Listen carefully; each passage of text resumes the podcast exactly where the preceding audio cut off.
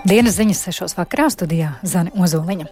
Par pasi būs jāmaksā vairāk, bet ne dubultā. Pēc Hamas līdera nogalināšanas bažas par Hizbollah iesaistīšanos karā turpināsies sals un mediķi aicina būt uzmanīgiem un neapsaldēties. Par visu tūlīt plašāk.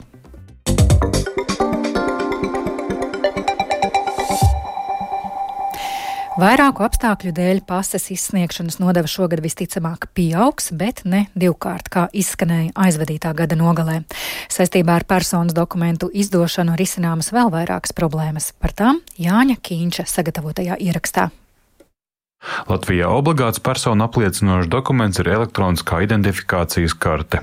Pase vajadzīga ceļojot ārpus Eiropas Savienības vai uz tā dēvētajām trešajām valstīm. No 12. februāra plānots laist klajā jaunu parauga pases ar jauniem drošības risinājumiem. Decembrī izskanēja, ka nodeve par pasu izsniegšanu varētu pieaugt no 30 līdz 60 eiro, bet bērniem un personām ar atvieglojumiem nodeva būtu 30 eiro tagadējo 15 eiro vietā.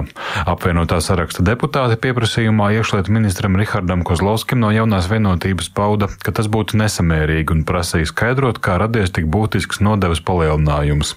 Turpina apvienotā saraksta frakcijas vadītājs Edgars Tavars. Protams, nu virsmērķis ir tas, lai galu galā šādas nodevas apmērs šādos straujos tempos noteikti netiktu veicināts. Pilsonības un migrācijas lietu pārvalde iekšlietu ministra uzdevumā pašlaik pārreķina personas dokumentu izsniegšanas nodevas izmaiņas. Pārvaldē papildu finansējums ir vajadzīgs būtisku ikdienas ikdienas uzdevumu veikšanai. Pirmkārt, novecojušas pasu un ID karšu noformēšanas sistēmas atjaunošanai. Tāpat dārgāks kļūst arī licences e-parakstam, ko lietotājs bez maksas var lietot, saņemot ID karti. Papildu finansējumu tam cer rast gan nākamā gada valsts budžetā, gan arī iespējās apgūt Eiropas Savienības fondu līdzekļus. Taču daļu naudas novirzīt arī no lielākas nodevas par personas dokumentiem, skaidro Kozlovskis. Mums ir jānodrošina bezmaksas paraksts ID kartēm. Tas ir jāmaksā PMLP.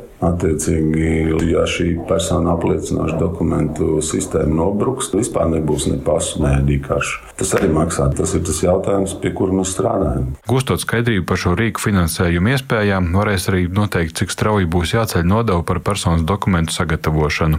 Plašu rezonanci guvušo pases nodevas dubultošanu nepieļaušot. Pašlaik Latvijā izmaksas par personas dokumentu sagatavošanu ir zemākās Baltijas valstīs, piebilst iekšlietu ministrs. Vēl mums ir personas, kuras saņem atvieglojumu. Līdz ar to skaidrs, ka par šīm personām maksā kaut tās personas, kuras nesaņem atvieglojumu.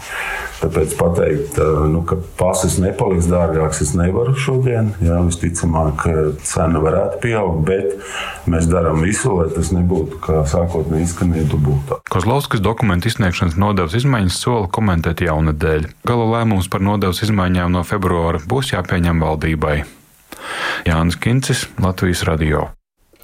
Šodien spēku zaudē vairāk nekā tūkstoši Krievijas pilsoņu pastāvīgās uzturēšanās atļaujas, tāpēc viņus no Latvijas varētu izraidīt.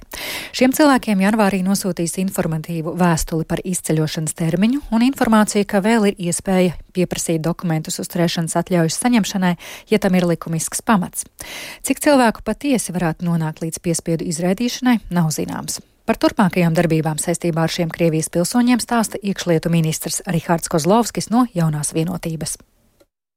Jāsaprot, vai šīs personas daļa no viņām vismaz nav izbraukusi jau no Latvijas, proti, uz trešām valstīm, ko mēs varam konstatēt, bet tikpat labi jautājums, vai viņām nav iespēja uzturēties kādā citā dalību valstī un līdz ar to arī, protams, Schengen zonā. Mēs neplānojam atjaunot daļu tā pilnu kontroli uz Schengenas robežu. Tāpēc tas ir pirmais, kas jāapzinās, cik personas ir to darījis. Attiecīgi, nosūtot atkal šīm zināmajām, vismaz pēdējām deklarētajām dzīvesvietām, kur viņas būtu sastopamas. Imigrācijas kontrole skaidrs, ka veiks arī valsts robežu sardze. Un šie lēmumi atkal savukārt, protams, ir pārsūdzami administratīvā tiesā. Un katrs šis gadījums, protams, atkal tiek vērtēts individuāli. Tas prasīs laiku. Nu, gala rezultāts, protams, pēdējā teikt, darbība ir piespiedu izraidīšana. Līdz ar to pa skaitļiem es vēl šodien atturētos precīzi runāt. Valsts drošības dienests pērn 20. decembrī aizturējis Krievijas pilsoni aizdomās par spiegošanu Krievijas pēcdienesta labā.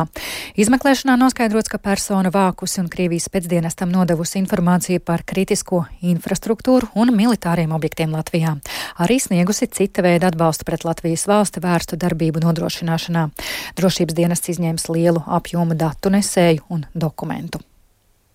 Pēc piecu mēnešu ilgas pārbaudes KNAB nav atklājis pārkāpumus Rīgas domas satiksmes departamenta skandālā par ielu remontiem. Nav apstiprināta informācija par it kā nelikumīgi iztērētiem vairākiem miljoniem eiro, tāpēc kriminālu procesu nesāks. Tiesa, departamentā konstatēti dažādi trūkumi, kurus Rīgas doma taisās novērst. Savukārt domas opozīcija, arī biedrība, kas novēroja departamenta disciplināru lietas izmeklēšanu un politikas eksperte uz KNAB lēmumu, raugās skeptiski, to pat kritizējot. Vairāk Viktora Demīdova ierakstā. Vasarā pēc anonīma ziņojuma satiksmes departamentā izcēlās liels skandāls, kas sašķēla domi. Ziņotājs toreiz norādīja uz miljoniem eiro vērtiem pārkāpumiem ielu remontu organizēšanā. Tos konstatēja dienesta pārbaudē. Tāpēc pret divām augstām amatpersonām sāka disciplināru lietu. Sākumā to pētīja Rīgas izpildirektora padomnieks, kurš pirms tam pārkāpumus konstatēja. Taču vēlāk doma nobalsoja par speciālu komisiju, kas darbu pārņēma, jo bija bažas par interešu konfliktu. Pārkāpumus komisija nefiksēja. Tos neatklāja arī vēlāk veiktajā auditā. Paralēli tam piecus mēnešus lietu pārbaudīja korupcijas novēršanas un apkarošanas birojas, kas arī pārkāpumus nenovēroja. Rīgas mērs Vilnis Čirsis no jaunās vienotības šodien norādīja, ka turpmāk sarežģītas disciplināra lietas veidos komisijas, nevis izvērtēšanu veiks viens cilvēks, kā tas bija satiksmes departamenta gadījumā. Šī politiskā brēka, kur ilgi viens vasaras garumā ir beigusies. Tagad redzam, ka visi šie skaļie apgalvojumi, viss, ar ko eh, mētājās kolēģi, ir absolūti un pilnīgi nepamatoti. Bet skaidrs, ka nu, tam visam ir sekas netika vasarā veikta virkne remonta darbu, par kuriem īstenībā tieši šobrīd ienāk vislielākās sūdzības, ka tur jau atpūsnim e, sākoties veidojās bedres, avārijas situācijas.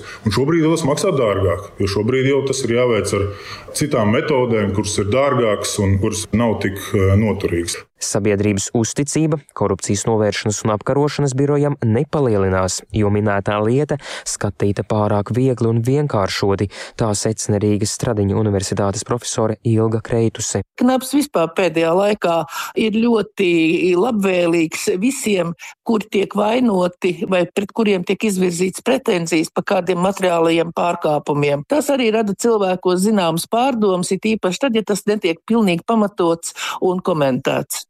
Skandāla dēļ vasarā no amata atkāpās mērs Mārtiņš Staķis no frakcijas progresīvie, kurš knab lēmumam iebilst.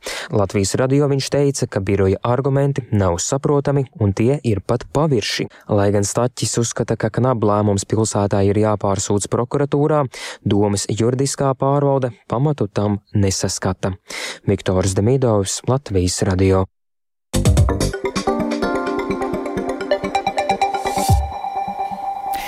Izraēlas drona triecienā visticamāk vakar Bērutā nogalināta viena no augstākajām palestīniešu teroristu grupēm Hamas amatpersonām - Saleks al-Arūri.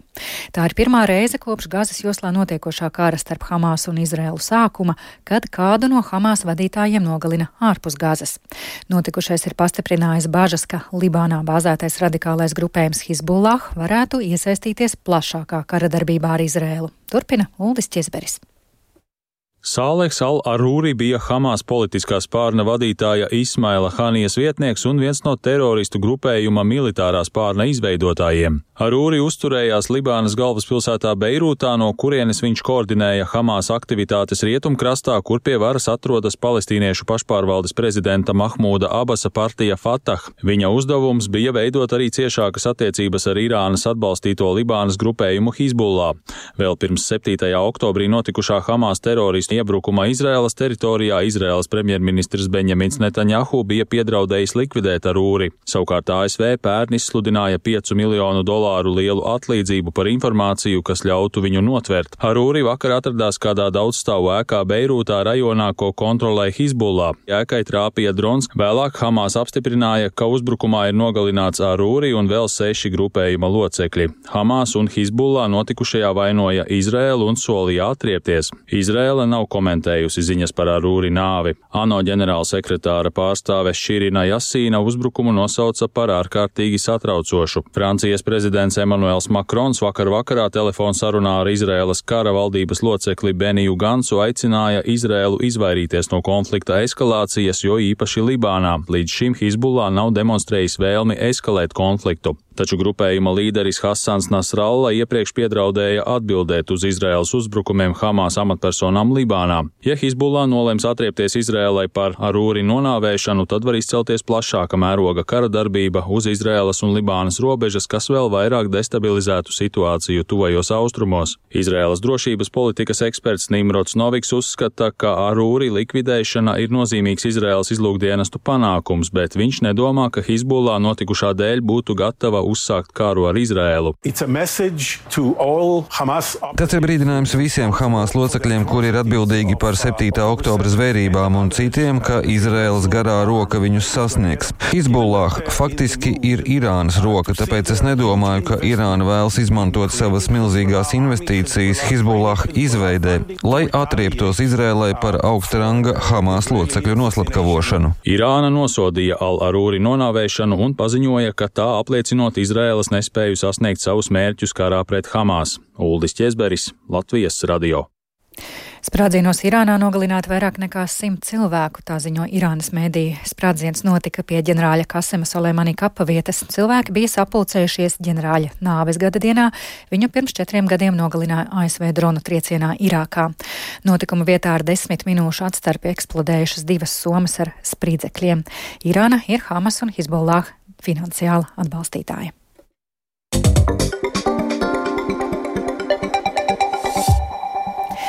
Latvijā šīs dienas atnesušas lielu augstumu. Visu šo nedēļu būs augsts un nostiprināsies sals. Nakts stundās vietām termometra stabiņš noslīdēs zem mīnus 20 grādu atzīmes. Mediķi atgādina, ka jāuzmanās, lai negūtu apsaldējumus. Rīgas Austrumu Kliniskās Universitātes slimnīcas valsts apdeguma centrā šobrīd atrodas divi cilvēki. Diemžēl abas personas ieradušās par vēlu un apsaldētos kāju pirkstus nāksies amputēt. Ārsti norāda, ka pamanot kādu ārā guļot uz zemes, ir jāpieiet pie viņa un jāvērš jāvēršas pēc palīdzības, it sevišķi šobrīd, kad ārā ir ļoti augsts. Neatliekamās medicīniskās palīdzības dienesta pirmās palīdzības eksperts un ārsta palīgs Miķelis Puķītis skaidro, kā jārīkojas, ja cilvēks iespējams guvis apsaldējumu lietas, no kā izvairīties, nevajadzētu uzreiz likt, piemēram, karstā ūdenī vai likt pie radiatora klāt, pie sildītāja. Tā tad um, ir jāuzsilda lēnām, jāietina siltā apģērbā, siltā telpā, jā, lai tomēr no iekšpuses arī tas siltums tāds ar to asinsritu liktai, liktai vietai, kas iespējams ir apsaldēta tiek. Nekāda berzēšana, likšana karstumos, to to nē. Ja, bet um, tomēr ar apsaldējumiem es ieteiktu griezties valsts apduguma centrā, lai novērtētu, cik slikti ir, jo apsaldējums nu, ir situācijas, kad viņš nav viens. Tad tomēr var būt kāda atgrišana arī klāt, jo ja jau ir pirksti bijuši augstumā, ja vai kāda cita ķermeņa daļa, tad jau viss pārējais ķermenis arī ir bijis augstumā. Ja gaisa temperatūra ārā ir zemāka par mīnus 10 grādiem, Rīgā nakts patversmes atvērtas visu diennakti. Turpinājumā par sportu debijas spēli Boloņas virtus sastāvā šovakar aizvedīs latviešu basketbolists Rihards Lomašs. Virtus komanda Uleb Eirolīgas spēlē tiksies ar Minhenes Bayern. Lomašs sezonu sāka Turcijā, bet Virtus izmantoja atrunu viņa līgumā un sportistu izpirka. Latviešu basketbolists sarunā ar itāļu mēdījiem izteicās, ka pēc pārejas uz jauno komandu jūtas labi un viņu priecē iespēja atkal strādāt ar Virtus galveno treneru Luku Banki, ar kuru viņš strādā arī Latvijas Nacionālajā izlasē.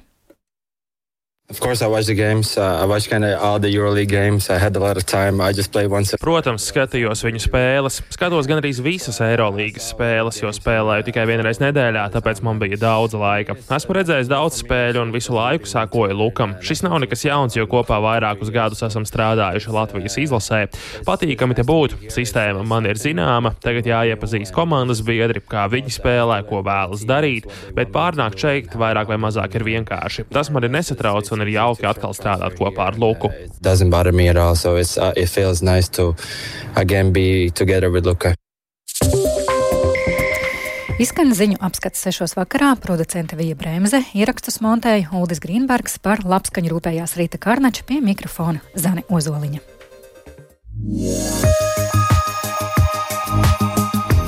Un vēl par gaidāmo laiku šobrīd mīnus 14 Rīgā, austrumu vējš 6 m2, un šonakt Latvijā gaidāms mākoņains laiks lielākajā daļā Latvijas sniks. Vietām austrumu rajonos sniega sagas biezums palielināsies par 5 cm. Austrumu vējš 4 līdz 9 m2, piekrastē brāzmās līdz 17 m2. Gaisa temperatūra vietām ziemeļaustrumu rajonos mīnus 22, mīnus 20, austrumos mīnus 19, mīnus 14, pārējā Latvijā mīnus 14, mīnus 9. Rīgā Rīgā mākoņains laiks, pa laikam sniks, austrumu vējš 5 līdz 7 m2, gaisa temperatūra naktī un dienā - mīnus 14, mīnus 12. Laika tips otrais labvēlīgs, bet par gaidāmajiem laika apstākļiem vairāk Toms Brīcis. Jaunākās prognozes rāda, ka turpmākajās dienās Latvijā brīžiem sniks, un jau šajā naktī daudz vietā vidzemē un latgalē izveidosies dažus centimetrus bieza sniega kārtiņa, bet līdz nedēļas beigām tā vietām latgalē sasniegs pat 10 centimetrus. Brīvdienās lokāla stipra snikšana var skart atsevišķus apvidus arī Rīgas līča tuvumā. Gaisa temperatūra saglabāsies zema, nedēļas nogalē pierimstot vējiem un vietām debesīm skaidrojoties mīnus 20 grādu sals iespējams arī kurzemē un zemgalē, bet valsts austrumdaļā temperatūra temperatūra var noslīdēt līdz pat mīnus 25 grādiem. Nākamās nedēļas sākumā gan kļūs siltāks.